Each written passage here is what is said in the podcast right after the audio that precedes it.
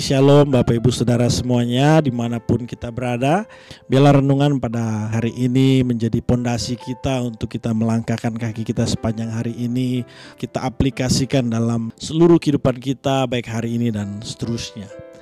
Bapak Ibu kalau komunikasi kita dengan Tuhan dipulihkan itu berarti komunikasi kita dengan sesama juga harus dipulihkan. Gambaran bagaimana komunikasi kita pulih dengan Tuhan terlihat Bapak Ibu Saudara dari komunikasi kita juga yang pulih dengan sesama kita.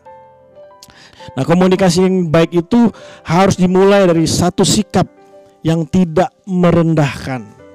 Bapak Ibu Saudara, jangankan kepada pasangan, kepada atasan, kepada orang yang lebih tua, kepada anak kecil saja Bapak Ibu. Saat kita berkomunikasi, kita tidak boleh tuh merendahkan, kita tidak boleh arogan. Bahkan ada bahasa tubuh yang harus kita perlihatkan sedikit membungkuk atau mensejajarkan posisi kita dengan anak tersebut. Nah dari mana kita tahu bahwa kita ini merendahkan seseorang arogan saat kita berkomunikasi? Dari bahasa tubuh kita Bapak Ibu Saudara. Seringkali tanpa disadari Bapak Ibu Saudara ya, para suami itu tidak memberikan bahasa tubuh yang baik Nah ini harus diperbaiki. Mungkin kita melihat bagaimana hubungan orang tua kita saat berkomunikasi seperti itu ya. Stop di kita Bapak Ibu. Kita putuskan cara komunikasi yang buruk. Seharusnya suami istri saat berkomunikasi harus eye contact Bapak Ibu Saudara. Jangan sampai kita ada di situ badannya tapi pikirannya ke mana-mana. Nah, ini saya pikir sikap yang tidak baik. Ada ayat-ayat firman Tuhan Bapak Ibu saya mengingatkan kita agar kita tidak merendahkan sesama kita ketika berkomunikasi. Contohnya dalam Yakobus 1 ayat 9 dikatakan hai saudara-saudaraku yang kukasihi ingatlah hal ini setiap orang hendaknya cepat untuk mendengar tetapi lambat untuk berkata-kata dan juga lambat untuk marah. Di Amsal 18 ayat 13 jika seorang memberi jawab sebelum mendengar itulah kebodohan dan kecelaannya. Nah, Bapak Ibu ini sikap dasar yang harus kita miliki saat berkomunikasi. Jangan arogan, Bapak Ibu. Kita tidak boleh merendahkan lawan bicara kita. Lalu Bapak Ibu Saudara, sikap yang harus kita miliki saat berkomunikasi itu adalah hati yang tulus, Bapak Ibu. Kita sering terjebak menilai seseorang dari tampilan luarnya saja. Padahal satu kata bijak berkata, don't judge the book by the cover Bapak Ibu Saudara ya.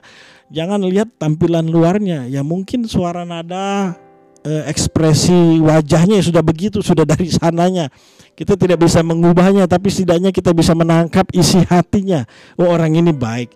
Cuman memang karena sudah dari sononya begini, budayanya begini ya sudahlah. Yang penting saya bisa menangkap isi hatinya. Nah, setidaknya itu yang bisa kita alirkan pada saat kita berkomunikasi. Hati yang tulus, hati yang jujur itu yang bisa dirasakan oleh orang yang kita ajak berkomunikasi, Bapak Ibu. Nah, Bapak Ibu di akhir renungan ini saya mau sampaikan apa sih yang kita cari dalam uh, sebuah hubungan dalam suatu komunitas apa sih yang kita inginkan saya percaya hal yang sama yang kita inginkan adalah suasana yang bahagia, damai, harmonis, sukacita. Ini suasana yang kita inginkan Bapak Ibu di dalam keluarga kita, dalam kita berkomunitas. Nggak normal kalau orang nggak pengen ini Bapak Ibu. Ya ah, saya nggak mau lah, pokoknya saya yang penting masuk surga aja. Suasana bodoh amat, ya nggak mungkin Bapak Ibu. Jangan kita menjadi orang Kristen yang naif saya tunda suasana ini nanti di langit baru bumi baru ini naif Bapak Ibu. Suasana ini setidaknya harus kita alami, sudah kita alami sejak kita ada di dunia ini. Nah, bagaimana suasana ini ada dalam keluarga kita, dalam komunitas kita? Ya, komunikasi Bapak Ibu. Tidak ada cara lain selain kita berkomunikasi. Kita tidak merendahkan pasangan kita, lawan bicara kita, dan kita punya hati yang tulus saat kita berkomunikasi. Di sanalah ada suasana sukacita, damai sejahtera, kerukunan, berkat Tuhan dicurahkan. Ingat, keberhasilan kita bukan hanya membahagiakan seorang dengan harta benda kita, tapi bahagiakan juga dengan berkomunikasi yang baik.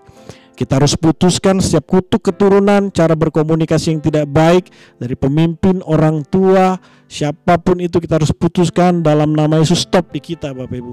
Mari kita bangun komunikasi yang baik dengan sesama kita. Tuhan Yesus mengasihi kita semua.